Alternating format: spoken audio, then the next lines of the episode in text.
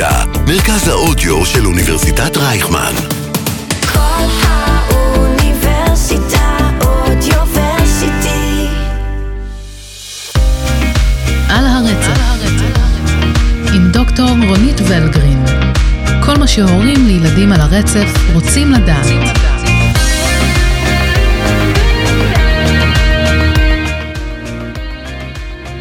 שלום ותודה שהצטרפתם אלינו בעונה השנייה של פודקאסט על הרצף עם דוקטור רונית ולגרין. אני ענת גרינבלום ואנחנו מזמינות אתכם להצטרף לקהילת הפייסבוק על הרצף, שיחות על אוטיזם.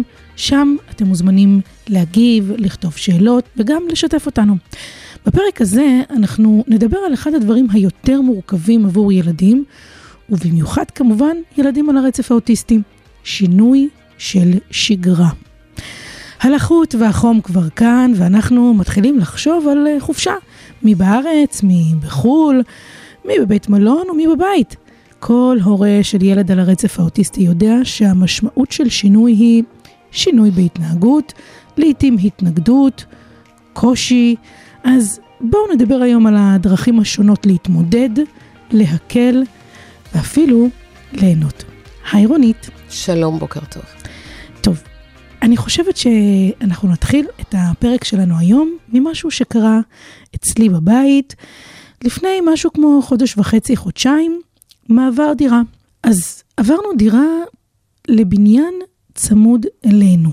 100 מטרים מפרידים מהבית שלנו לבית שאליו נכנסנו. אפילו אה, את ההובלה שהזמנו, הבהרנו להם וצילמנו להם סרטון וידאו כדי שידעו שאין צורך בנסיעה.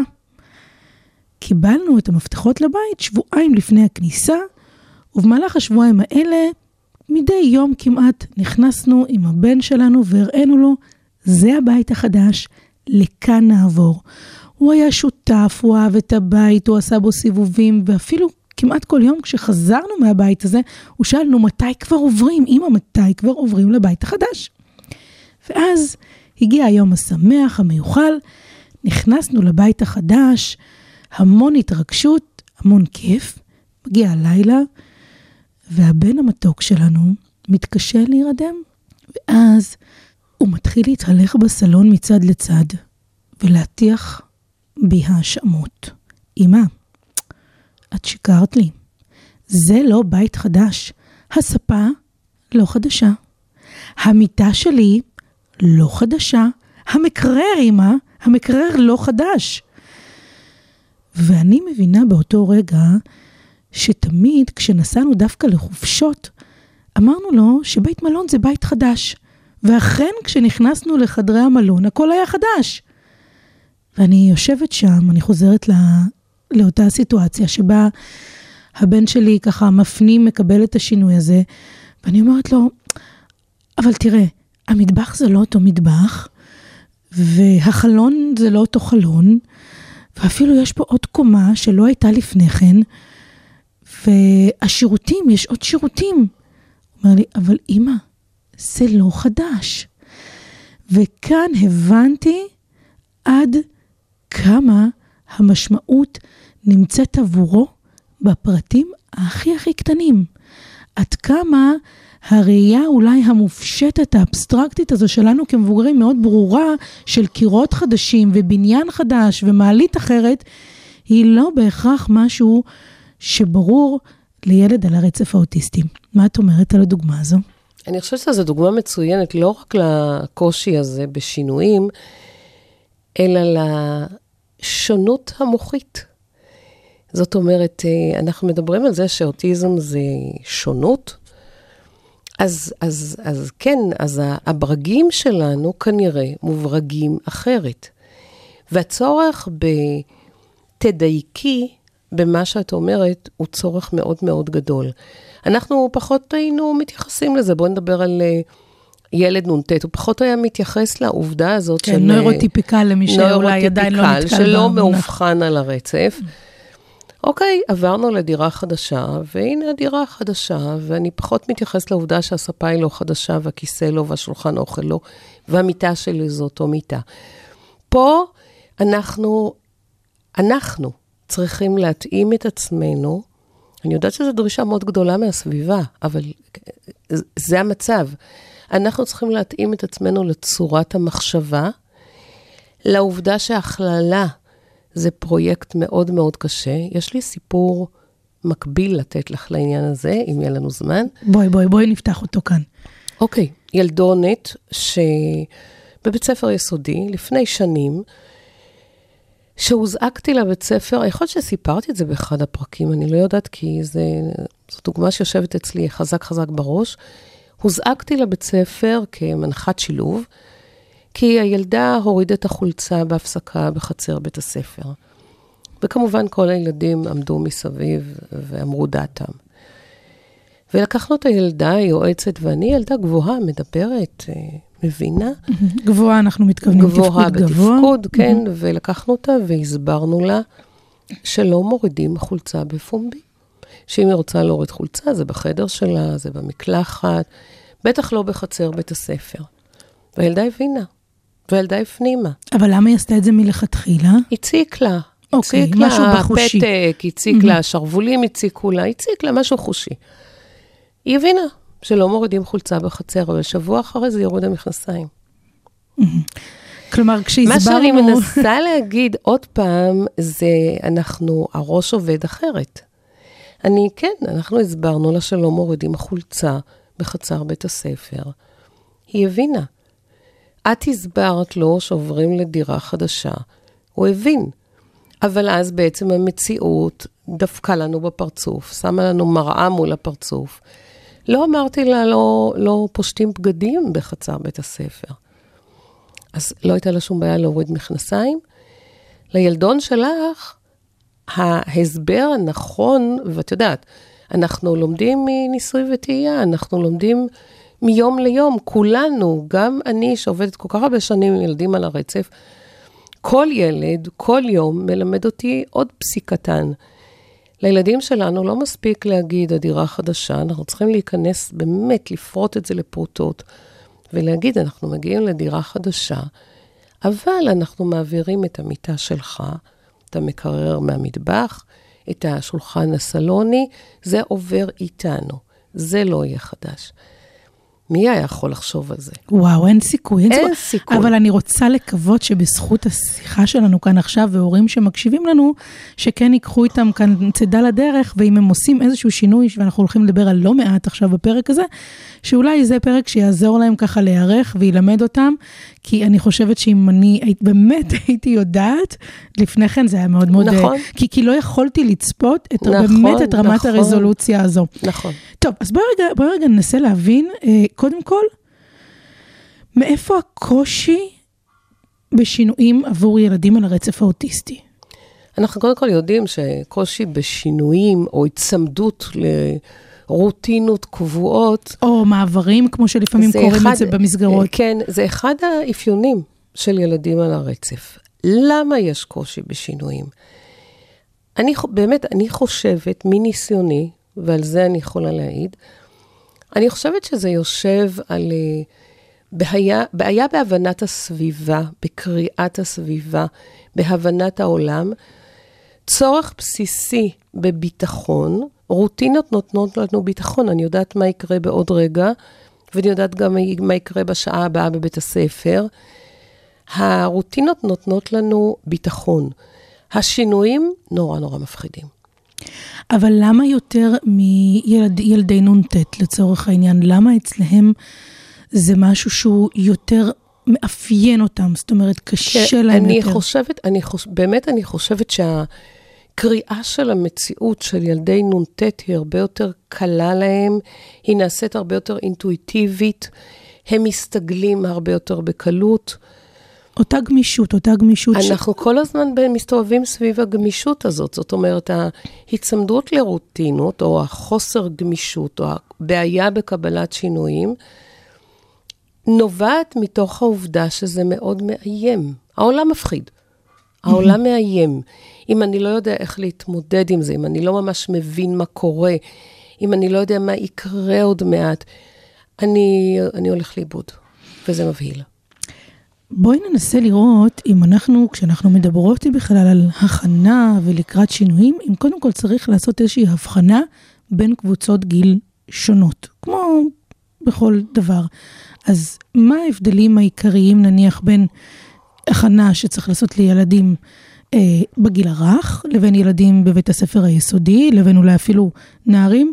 למשל, עכשיו, עכשיו הם מס- מסיימים את המסגרת הרגילה של בית הספר ונכנסים למסגרת של קייטנה.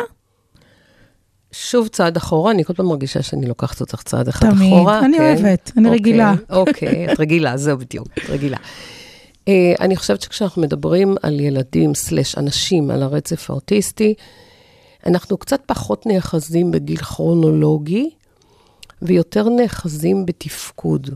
כשאמרנו שיש לנו בעיה קשה בהגדרת תפקוד, אבל אנחנו יותר נאחזים בעד כמה הילד פתוח לעולם, עד כמה הילד רכש שפה, מה הרמה הקוגניטיבית שלו, עד כמה הוא ערני לסביבה. יכול להיות ילד בן חמש, שההסתגלות שלו לשינויים היא מאוד מהירה, ויכול להיות, תכף אני אתן לך דוגמה, שהדוגמאות קופצות לי כל הזמן, ויכול להיות ילד בכיתה ו', שחרד, באמת, על גבול החרדה הפתולוגית מכל שינוי. ילדון שהיה מטופל שלי במשך כמה שנים טובות, ילדון מקסים, באמת באמת מקסים. אצלי במכון ה... יש שלוש מעליות. שתי מעליות הן מעליות צידיות והן מעליות רגילות לחלוטין, אבל רוב האנשים שעולים, עולים במעלית המרכזית שהיא מעלית שקופה. דלת שקופה, רואים, כשאת עולה, רואים את הקומות. הוא תמיד עלה עם אבא שלו במעלית השקופה, והוא אהב מאוד את המעלית השקופה. ואז הם הגיעו לקליניקה והמעלית השקופה הייתה מקולקלת. רמת החרדה הייתה כל כך גבוהה, הגענו לבכי בלתי נשלט, וואו. צרחות בלתי נשלטות, ריצה בחזרה למכונית כשאבא שלו דוהר אחריו. הוא נכנס למכונית, סגר את הדלת וסירב לצאת. אני ירדתי עם המשחקים שהוא אוהב. לא, לא, שום דבר לא עזר. לא אני, לא אבא, לא כלום. הוא סירב לצאת. החוסר גמישות, ההיצמדות לעובדה שכשעולים לרונית, עולים במעלית השקופה, הייתה כל כך גבוהה, שזה פשוט פירק אותו. זה מזכיר לי... ולא ילד קטן. שוב וואו. אני אומרת, לא ילד קטן, כך שהשאלה לגבי גילאים, במקרה היא לא שלנו, מדויקת. היא עכשיו לא אני- מדויקת, את בדיוק. יודעת, זה מזכיר לי גם מקרה של מישהי אה, שגם שמעתי שאובחנה ולא הסכימה, למשל, לשנות את הדרכים כן, כן. בדרך לגן כל יום. זה, זאת אומרת, זה... זו אחת הבעיות. זאת אומרת, הורים כשמגיעים אליי, נוסעים עם ה-Waze, אם זה במקרה שהם קצת יותר רחוקים, כדי לדעת איפה יש פקקים. יש ילדים שה-Waze יכול לדבר עד מחרתיים, אבל אם האמא תסטה מהמסלול הרגיל שנוסעים לרונית, הוא יגיע אליי במצב מפורק, בוודאי שלא פתוח ללמוד ולא פתוח ל- לאינטראקציה, מבוצר בעצמו, כי לרונית לא נוסעים ככה, לרונית נוסעים ככה. הבנתי. אז- טוב, זה מסביר לנו גם את הסיבה שבאמת חינוך מיוחד מוחרג אה, בכל השביתות, למשל, שהיו לאחרונה, כי באמת אה, זה, זה צורך אדיר, לשמור, יש צורך אדיר לשמור על, ה, על השגרה הכי קבועה שיש. נכון. ובכל זאת, עכשיו כשהבנו שאנחנו צריכים להסתכל על באמת על רמות התפקוד, זה אפילו לא להבין- רמת תפקוד, את יודעת, זה קצת מטעה, זה אפילו לא רמת תפקוד, כי אה, צריך להסתכל על, על מה קורה עם הילד בקטע של גמישות ושינויים, כי יכול להיות באמת ילד ברמת תפקוד גבוהה, אם אנחנו מתייחסים לילד עם קוגניציה תקינה, ועם יכולת שפתית, ועם יכולת לתקשר עם מישהו, עם הקשיים שלו, אבל יכול לתק- לתקשר עם מישהו, ועדיין הילד הזה ספציפית, השינוי יפרק אותו. אז זה אפילו לא רמת תפקוד, צריך להסתכל על כל אחד כמו שהוא. אוקיי, איך ההורים ששומעים אותנו עכשיו יכולים להכין את הילדים שלהם לזה שעכשיו המסגרת היא מסגרת נניח קייטנה, יותר קלילה, או אה, נגמרת הקייטנה, ובכל זאת יש לנו שהות ממושכת בתוך הבית. אנחנו מייצרים שגרה חדשה לחלוטין, זמנית של שבועיים, שבה ניסע לטיול, נלך לים, נלך לקאנטרי, לבריכה, כל דבר. מה ההורים צריכים לעשות? אה, כמובן באדפטציה ליכולת ההבנה של הילד, אבל ברור. יש איזה שהם כלים שאפשר לתת להם? קודם כל אנחנו מדברים, את הראית לי משהו לפני שהתיישבנו, שאני נכון. מאוד מאוד התלהבתי. חוברת מקסימה של תמונות, של מתחת לכל תמונה יש משפט שהכנת לבן שלך, על חופשה, על העובדה שסבא סבתא יוציאו אותו מהקייטנה. נפלא.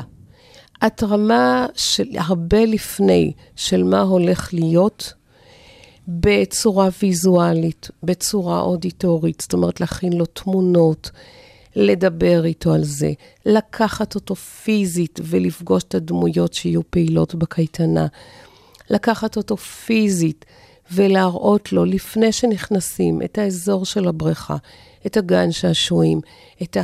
כל דבר שאנחנו מכינים אותו מראש, יהיה לילד יותר קל להתמודד. כל הפתעה שנעשה לו, אנחנו צריכים, אה, זה ממש צפה פגיעה. אנחנו לא יודעים איך הוא יגיב.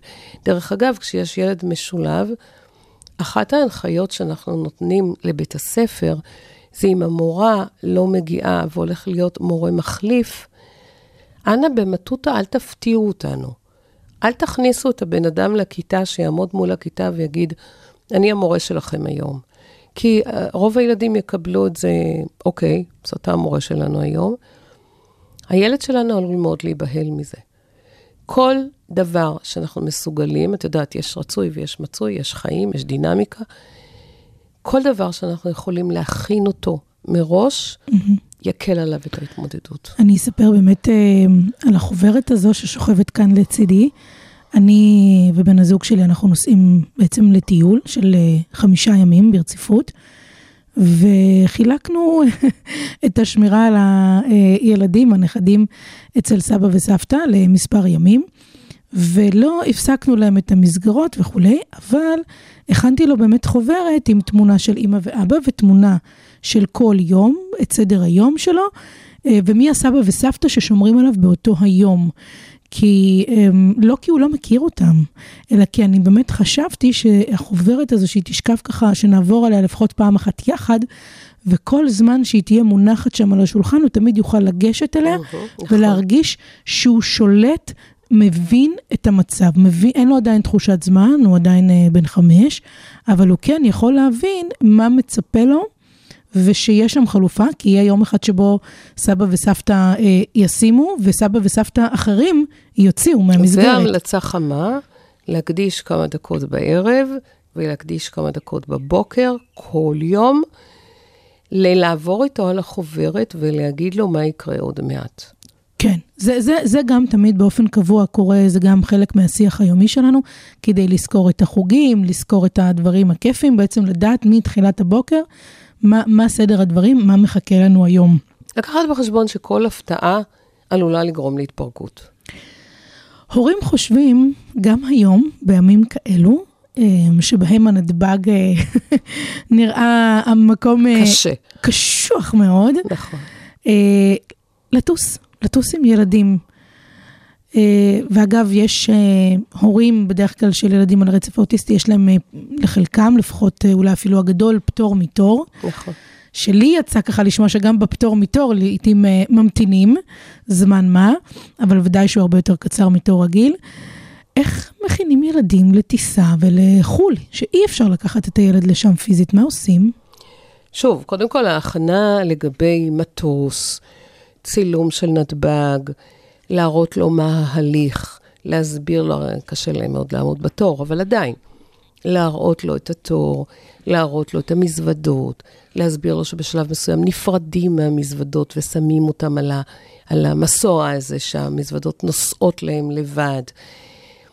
כמה שנפרוט את זה יותר לפרוטות, יהיה לילדים יותר קל. ודבר נוסף, ילדים שקשה להם מאוד עם רעש, ונתב"ג בימים אלה הומה אדם, ובטוח רועש, שלא לדבר על הרמקול שמשמיע לנו הודעות מדי פעם.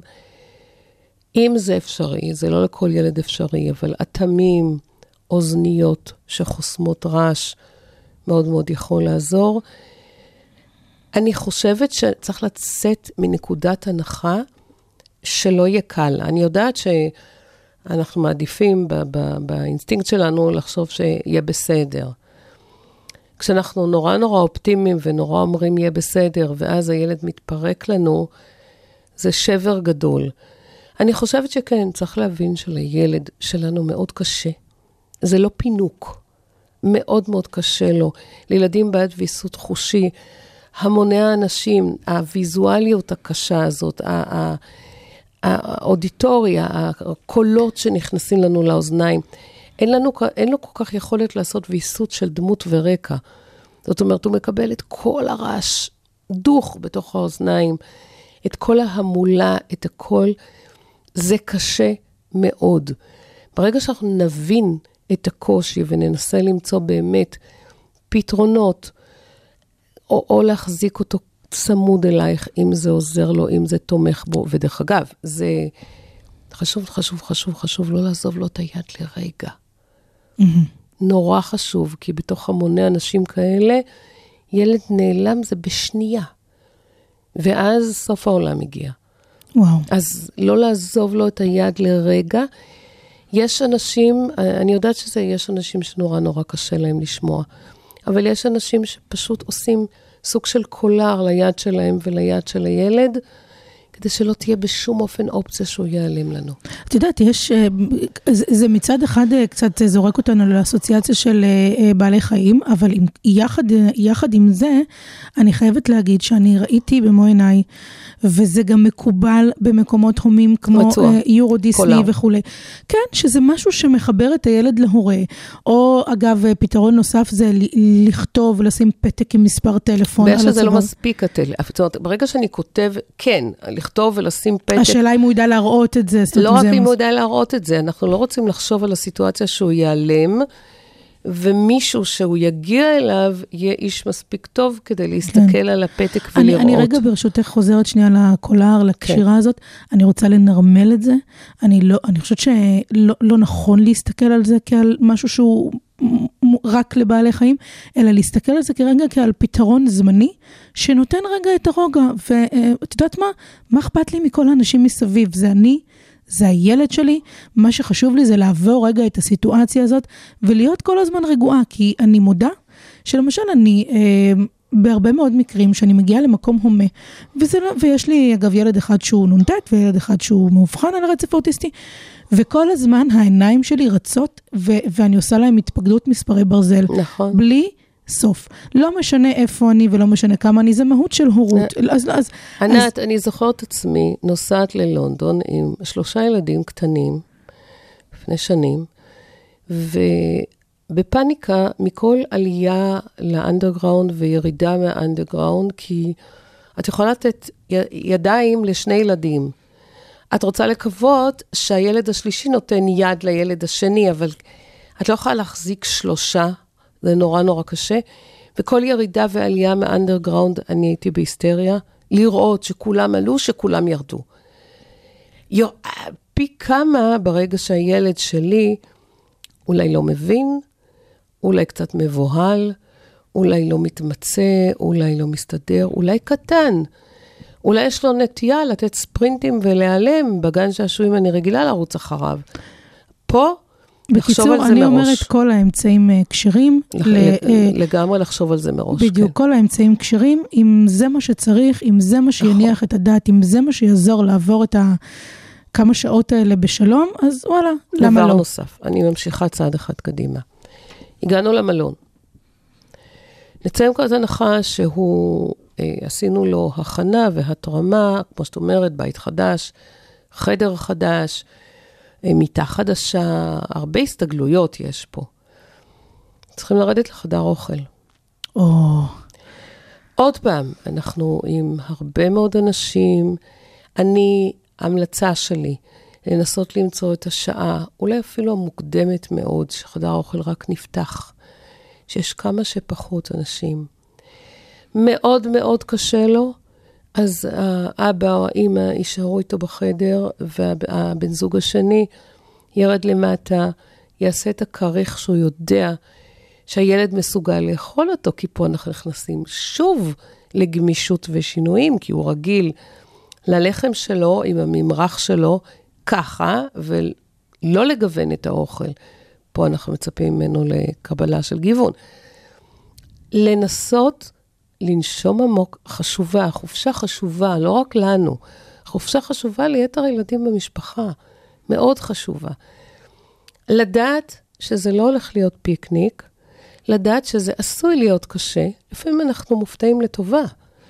לדעת שזה עשוי להיות קשה, לנשום עמוק, לדעת שבאמת הילד באמת קשה לו, הוא לא מתפנק בשום צורה, ולגייס את כל היצירתיות שלנו כדי לעזור לו להתמודד. אני רוצה להגיד שאני זוכרת שממש לפני חצי שנה אה, עשינו חופשת חורף בקיץ, סליחה, חופשת חורף, נסענו לחרמון והיה איזשהו דיל נחמד עם בית מלון קטן, עם מרחבי דשא, לא אפרסם כאן את שמו, וחשבתי שזה יכול להיות אה, מקום מצוין, ואכן, אה, עשינו התרמה לכל מה שיכולנו, הגענו את החופשה הנפלאה להוציא ארוחת בוקר. כשקמנו בבוקר, הלכנו לחדר אוכל, שהיה אגב קטן ודי אינטימי, ואני זוכרת ש... שהבן שלנו, אה, הוא התחיל לבכות. הוא רצה להיות צמוד אליי, וביקשתי ממנו לשבת רגע ליד אבא, ליד האח, בזמן שאני, אני לוקחת לעצמי את האוכל, האוכל שלו כבר עמד על השולחן, והוא לא הסכים. ולקח לי כמה רגעים טובים להבין שהמצוקה היא מצוקה שהוא לא מבין את הסיטואציה. זאת אומרת, הוא- הוא מצוקה לא- אמיתית. והיא מצוקה שהוא לא, לא מתפנק רגע לאימא, נכון. אלא שאם יכולתי להסביר לו, ולא לקחת כמובן מאליו, אלא להסביר לו מה זה חדר אוכל, שאנחנו ניכנס, ויש שם המון סוגים של אוכל, ונוכל לבחור ביצים, ונוכל לבחור גבינה, ונוכל לקחת שוקו. ממש, אם, אם, אם הייתי יודעת, אני מניחה שזה היה עובר לו יותר בקלות. למזלי, באותה נקודת זמן, פשוט ההגעה שלי לשולחן והחיבוק פתרו את הבעיה, אבל כן למדתי מזה שהמצוקה נבעה מחוסר אה, מוכנות לסיטואציה. כן. טוב, אם אנחנו נוסעים עם אה, חברים ואנשים שאולי אה, לא יודעים או לא מכירים, וגם ילדים שלהם שמצטרפים שלא יודעים ולא מכירים, מה, מה את ממליצה לנו כהכנה תראי, אני, לטיול? אני, אני אוהבת שקיפות. זאת אומרת, אני, אני פחות אוהבת להפתיע אנשים מסביב, כי הפתעה לא תמיד מתקבלת יפה. כן הייתי מדברת עם החברים, בוא, בוא נצא עם, יש לנו כאן שתי אופציות. אופציה אחת שסיפרנו על האבחון, ואז באמת הרבה יותר קל. אני יכולה להסביר שקשה לו עם שינויים וקשה לו עם גמישות, ועלולה להיות בעיה של בכי, או של חוסר קבלה את מה שקורה, או... והיה ולא סיפרתי להם על האבחון, עדיין אני יכולה להגיד שלילדון שלי מאוד קשה עם שינויים, לא לקרוא לזה בשם, אבל מאוד קשה עם שינויים. וכן, תשמעו, הוא עלול לבכות, הוא עלול להיות במצוקה. אה, אנחנו מודעים לזה, הכל בסדר, אנחנו נטפל בזה. אני נורא מבקשת אתכם להמשיך את שגרת הטיול שלכם ואת שגרת ההנאה שלכם והכל בסדר. עלינו, אנחנו מודעים לזה, הילד מטופל בנושא, הכל בסדר. כן הייתי אה, זורקת כמה מילים כאלה לפני, שעלול להיווצר קושי בקטע של שינויים, כי הוא רגיל מאוד לב, והנה אני מוציאה אותו מהשגרה שלו, וזה לא פשוט לו. ואנחנו מודעים לזה, ואנחנו נתארגן עם זה, והכל יהיה בסדר. אני חושבת שעדיף לעשות את זה לפני, כי אז כשזה מגיע, אין בהלה. הבהלה הזאת יכולה להחמיר אפילו את המצב של הילד. אני, אני חושבת שאני אשתף מהניסיון אפילו האישי שלי, אהה. שאצלנו כל מי שאנחנו נפגשים איתם, זה אחד מהדברים הראשונים, או שסיפרנו כבר, או שאנחנו נספר אם זה אנשים חדשים, ואני חושבת שאז יש התגייסות מאוד גדולה, במידה וצץ קושי כלשהו, אה, לעזור, וזה מאוד מאוד כיף. אני רק, בקטע הזה, כדי לזקק את זה, לפעמים צריך להגיד לחברים, שסביר להניח שהם אנשים טובים שאוהבים אותנו, אה, אם נצטרך עזרה, נבקש.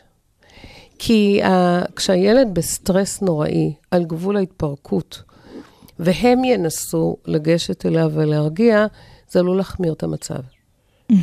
אז uh, uh, לפעמים, אפילו העזרה שלהם בשימו רגע עין על השניים האחרים, יכולה מאוד להקל עלינו את המצב. אבל אני חושבת שעם הילדון שלנו הספציפי, אנחנו נתמודד. אנחנו מכירים אותו, אנחנו יודעים מה עוזר לו בהתמודדות, מה מרגיע לו את את, ה... את, את הולכת למקרים באמת אה, של גם של מורכבויות. אני אתן לך מקרה אפילו, אפילו יותר פשוט. כן. אה, עשינו אה, מסלול לא מזמן עם אה, זוג חברים, והיה להם ילד בכור, בן 13, והיה שם אה, מגלצ'ה כזאת אה, גבוהה מהסלע, והבן שלנו גם מאוד רצה להתגלץ' בה.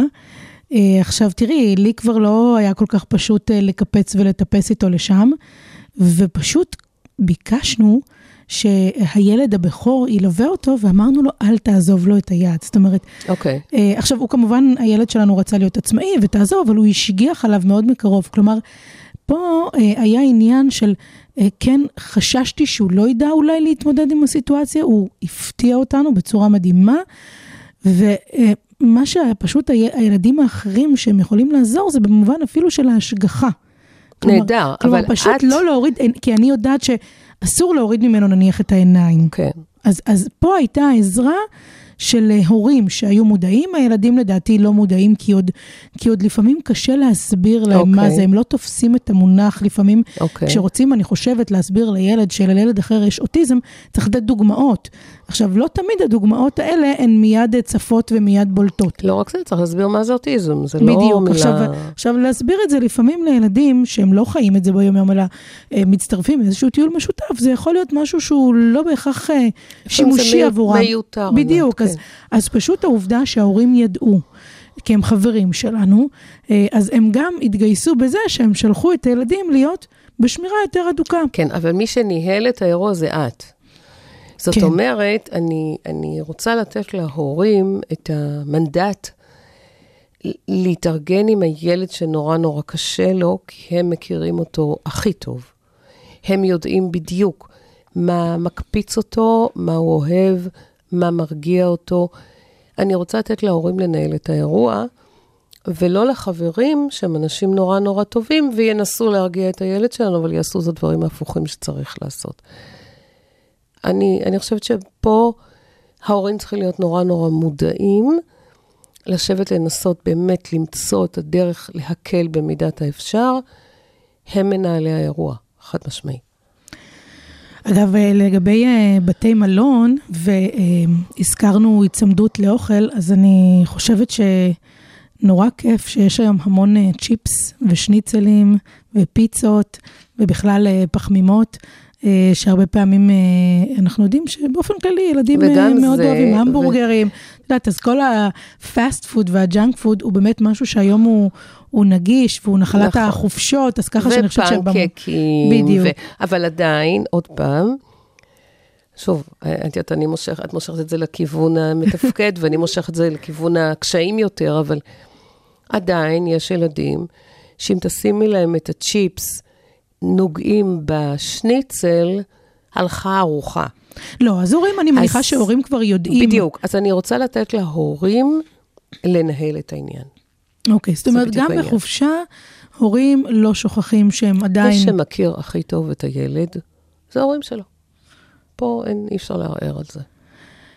החופש אה, מסתיים, או הולך להסתיים, כמה זמן לפני סופו מתחילים להכין לשינוי הבא, שהוא חזרה לשגרה, תחילת שנת הלימודים? אני הייתי מדברת על שבועיים לפני.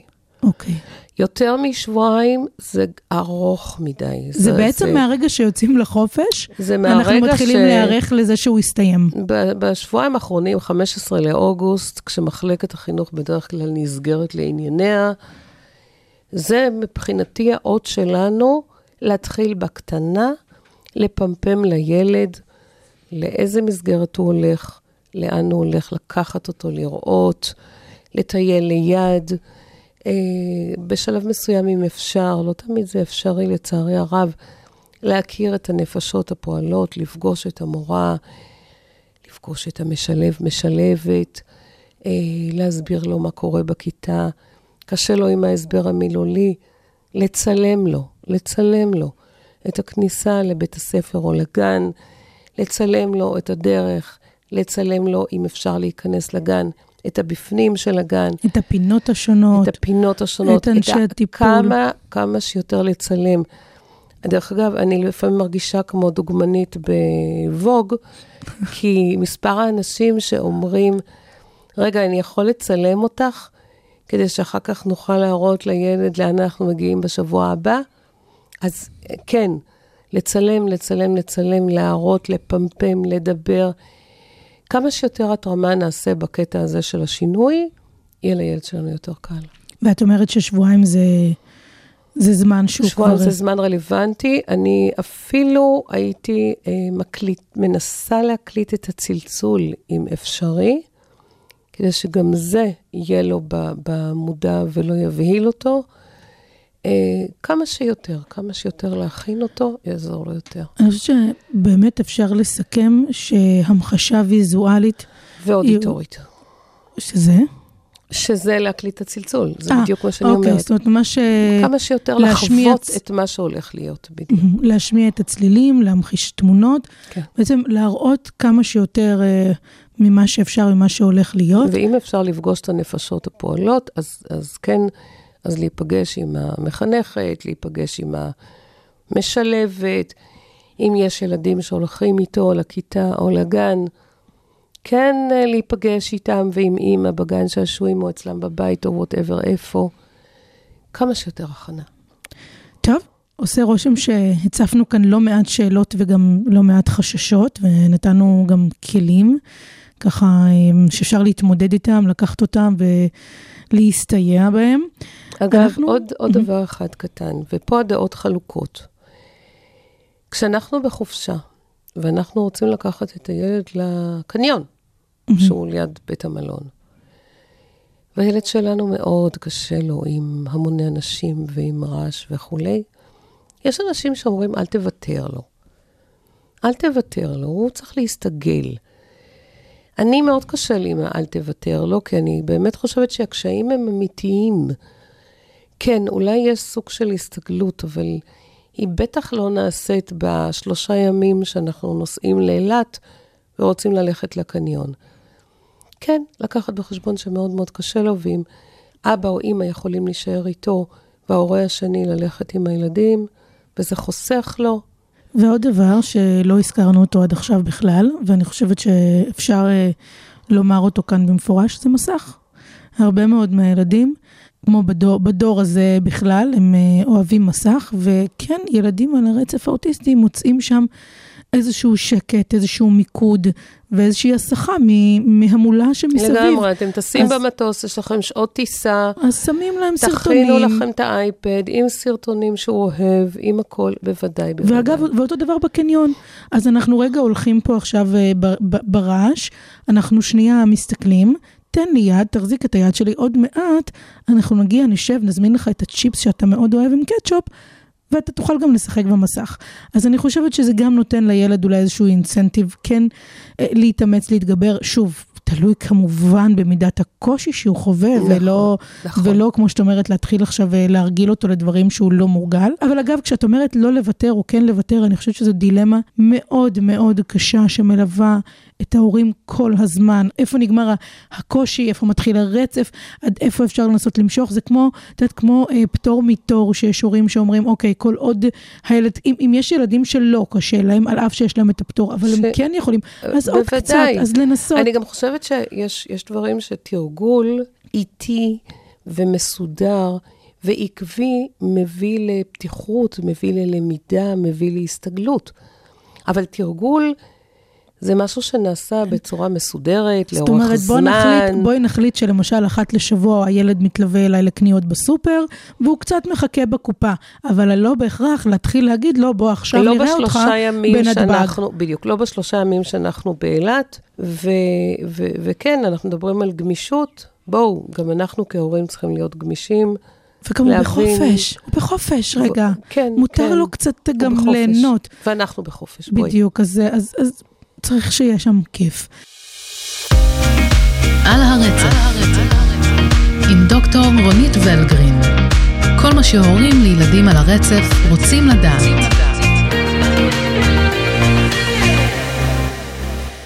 טוב, אנחנו לפינה שלנו של הורים שואלים והשאלות שהם מציפים אותנו, ואחת השאלות לאחרונה שהגיעה לנו בקבוצת הפייסבוק, פודקאסט על הרצף, שיחות על אוטיזם שאת מנהלת, נשאלה השאלה, איך מעודדים ילדים לבטא רגשות? עכשיו, אני חושבת שזו שאלה מאוד חשובה גם בהקשר של הפרק שלנו היום, כי אנחנו עוסקים בקושי של ילדים אה, בשינויים, ואיך אפשר אולי אפילו לזהות סימנים שמעידים על קושי עוד לפני שיש לנו כאן איזשהו כעס והתפרצות וממש כניסה לסטרס מצוק, מצוקה כזו. נושא גדול, ענק, ואני חושבת שאולי אפילו שווה להקדיש שיחה על הקטע של רגשות.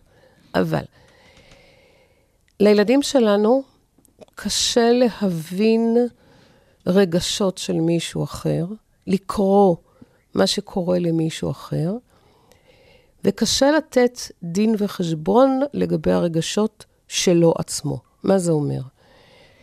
אנחנו יודעים שלילדים על הרצף יש בעיה בשפה לא מילולית.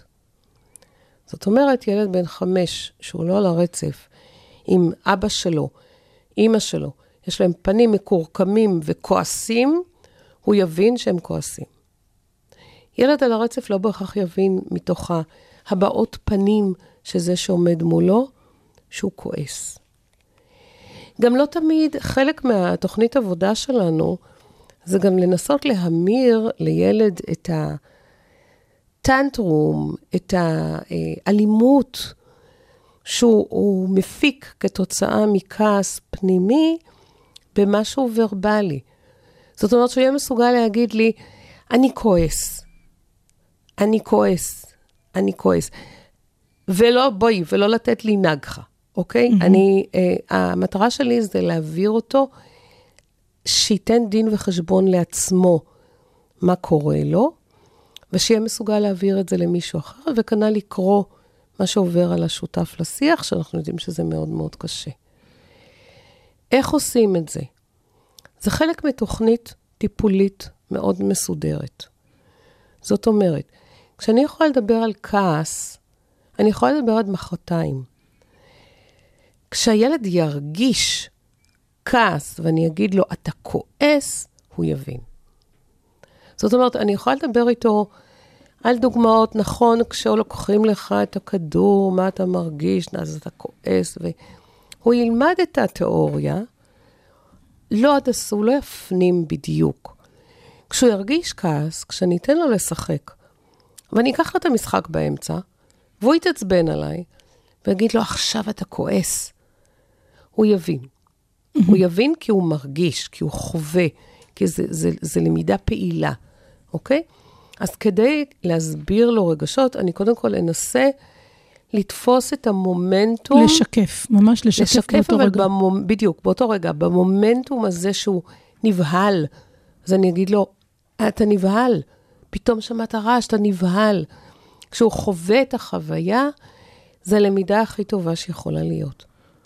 ואז אנחנו מתחילים באמת, ואני לא אה, ארחיב פה יותר מדי כי זה ארוך, אז אנחנו מתחילים לפרוט לפרוטות את היכולת לקרוא. אה, אה, דרך אגב, כשאנחנו מדברים על רגשות, אחת הדרכים הקלאסיות זה להדפיס תמונות של אה, ילד כן. עצוב, ילד שמח, ילד... מהניסיון שלי, תמונות במקומם... זאת יש כבוד לתמונות. לא, יש, אין איקוניות מדי, יש ספר אבל- כזה של ילדים, לפעמים אני שמח, לפעמים אני יש- עצוב, כן, אבל... יש פוסטר כזה גם, אבל ה- אני, אני חושבת שהחוויה היא הרבה יותר חזקה כשהוא רואה אותי מתעצבנת, ואני יכולה להמחיז את זה בקלות, על משהו, ועושה את הפרצוף המתאים, ואומרת לו, מצרפת את המילה, אומרת לו, אני כועסת, אני פוחדת, אני עצובה. למה אני עצובה? כי, כי נשבר לי, אני עצובה. כשזה קורה, ואני מסבה את תשומת ליבו להבעת פנים שלי למילה הרלוונטית, זה הרבה יותר טוב. כשאני מבקשת ממנו לתת דין וחשבון לעצמו על הפנים שלו, זה הרבה יותר מוצלח. אפרופו תמונות, תמונות זה דו-ממדי, זה שטוח. אני זוכרת ילד שבזמנו ראה כלב, אמיתי, ראה כלב, ואמר לאימא שלו, הכלב מופתע. איזה קטע. והיא אמרה לו, למה הכלב מופתע?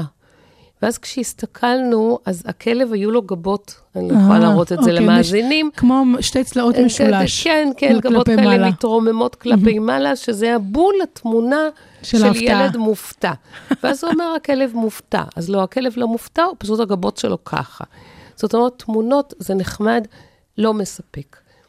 כשאנחנו עובדים על רגשות, אנחנו מנסים לתפוס את המומנטום, ואז לדבר על הרגש. כן, זה, זה קצת מזכיר לי גם כשמלמדים ילדים להתחיל לזהות שהם עייפים, נכון, או שהם רעבים, נכון. אפילו שהם מבקשים ממתק, אוקיי, אתה כנראה רעב. בדיוק, בדיוק. כשאני אגיד לו, אתה יודע מה, כשאתה רוצה לאכול, אתה רעב, בתיאוריה, זה נחמד, זה ייקלט, זה לא, אני לא יכולה להגיד, הוא יפנים, הוא יכליל, הוא יישם. זה מזכיר לי את הבן שלי שאמר לי, אמא, הבטן שלי רעבה. נהדר. הבטן שלי רעבה. נהדר, נהדר. זה, זאת אומרת, זה, זה באמת כל הזמן, אני חושבת שלהיות עסוקים בלשקף להם, ו... במומנטום המתאים, ברגע שאתה תשקף במומנטום המתאים שקורה לך או קורה לו, ההפנמה של הרגש תהיה הרבה יותר חזקה. וכן, תרגול, תרגול, תרגול, תרגול. אין ספק שרגשות זה אחד הפרויקטים היותר משמעותיים שאנחנו שמים עליו דגש, עליהם, וזה צריך להיכנס לתוכנית הטיפולית. של מי? של קלינאית התקשורת. הבנתי, זה תפקידן של... אה, אני חושבת שכן. אז למעשה, אה, אחד הדברים שאולי יותר מורכבים באוטיזם זה לפעמים המעבר הזה מ-0 ל-100. זאת אומרת, אני לא תמיד יודע מה יהיה הטריגר, וכשהטריגר מגיע, אז uh, יכול להיות שם כעס, יכול להיות שם התפרצות, ולא תמיד יהיו לנו בכלל אה, באמת סימנים מקדימים נכון, שנוכל לטפל נכון, בהם, זה אולי נכון. באמת אה, מורכבות. אה, ואז אני חושבת שאולי לכל הורה את התשובה שלו, כי באמת יש ילד שמה שפעם קראו לו holding, אולי איזשהו חיבוק כזה יכול לעזור, תלוי ילד, תלוי מאוד ילד. תלוי ילד. יש ילדים שעדיף לעזוב אותם, לתת להם ואז הם רגע. נרגעים הכי מהר. יש ילדים שצריכים את החיבוק. את יודעת, אני אספר לך שלמשל אצלי בצוות, בגן של הילד, באמת אחרי מעבר דירה, אה, זה הייתה עבורו חוויה. אה, שוב, אה, חוויה די ככה, שהשפיעה על היומיום בגן. אוקיי. ואחת הדרכים שהם הציעו לו, והוא מאוד אהב, זה לשבת ולצייר. הוא ממש לקח, אה, לק... נתנו לו ככה, הוא ביקש לקבל כמה זמן לבד, כשמשהו שם השתנה בסדר היום, כן? השתנתה לו גם גננת, חשוב להגיד שהגננת הקבועה יצאה, וגננת הצהריים הפכה להיות לגננת הראשית. והיא סיפרה שברגע שהוא, למשל, אחד הדברים שהוא רצה להפגין בהם שליטה, שהוא אמר לא יהיה מפגש. הוא לא מוכן שהיא תקיים מפגש. אז אה, בעצם נתנו לו דף וטוש, ואחרי כמה דקות שהוא נרגע, אז הוא צייר. אז הוא צייר את עצמו, והוא צייר פתרונות שהוא הציע. עכשיו, כמובן, אנחנו לוקחים בערבון מוגבל את יכולת הציור של ילד בן חמש, כן. הוא, הוא לא אה, פיקאסו, אבל כן, זו הייתה הדרך שהם הציעו לו, הכלי שהם הציעו לו, וכלי שמאוד עזר לו. כלומר, הבנו, וגם אימצנו אותו בבית, וזה אגב באמת היתרון הגדול בלעבוד בשיתוף פעולה עם כל הגורמים. וגם בבית, כשראינו שפתאום הוא מקבל תשובה שהיא לא לשביעות רצונו, אז אמרנו לו, אוקיי, עכשיו אתה כועס, בוא נחשוב ביחד איך להירגע. אם אתה רוצה, יש שם דף ויש שם טוש, ואתה יכול אה, לקחת נהדר. ולצייר. וככה הוא הסתכל ימינה-שמאלה, הוא רקע קצת עם הרגל, ובאמת הוא ניגש והוא צייר, ותוך כדי הציור הוא דיבר על מה שקרה לו, הוא אוקיי. דיבר על הפתרונות האפשריים. בסופו של דבר, הוא דיבר את זה החוצה בצורה ורבלית, אבל משהו בחיבור בין הדף לעט היה עבורו הכלי שדרבן אותו להביע את הרגש, לחפש את הפתרון מעצמו, להציע חלופות ולבחור במשהו שהוא התמודדות.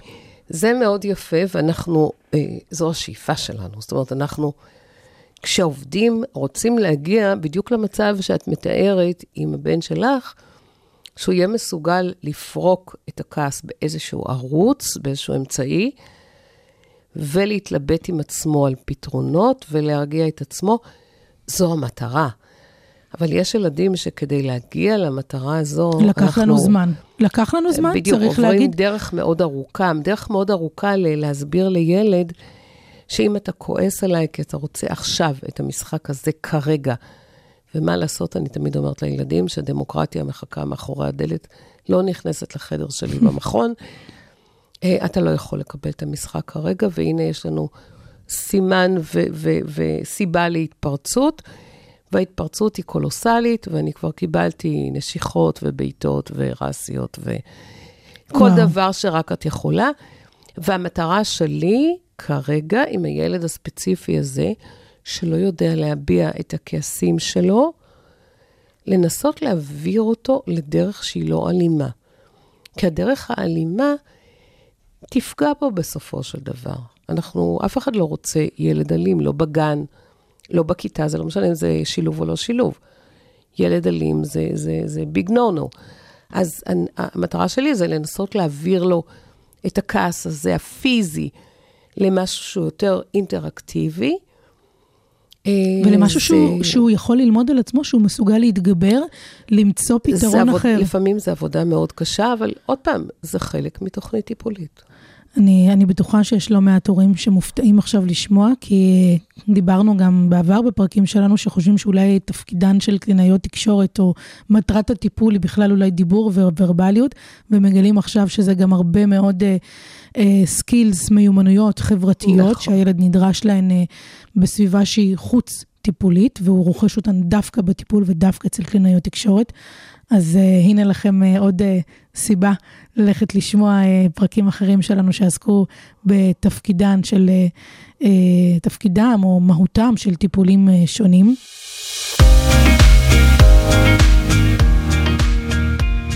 הגענו לסוף. דוקטור ולגרין, רונית, תודה רבה על התובנות גדולה.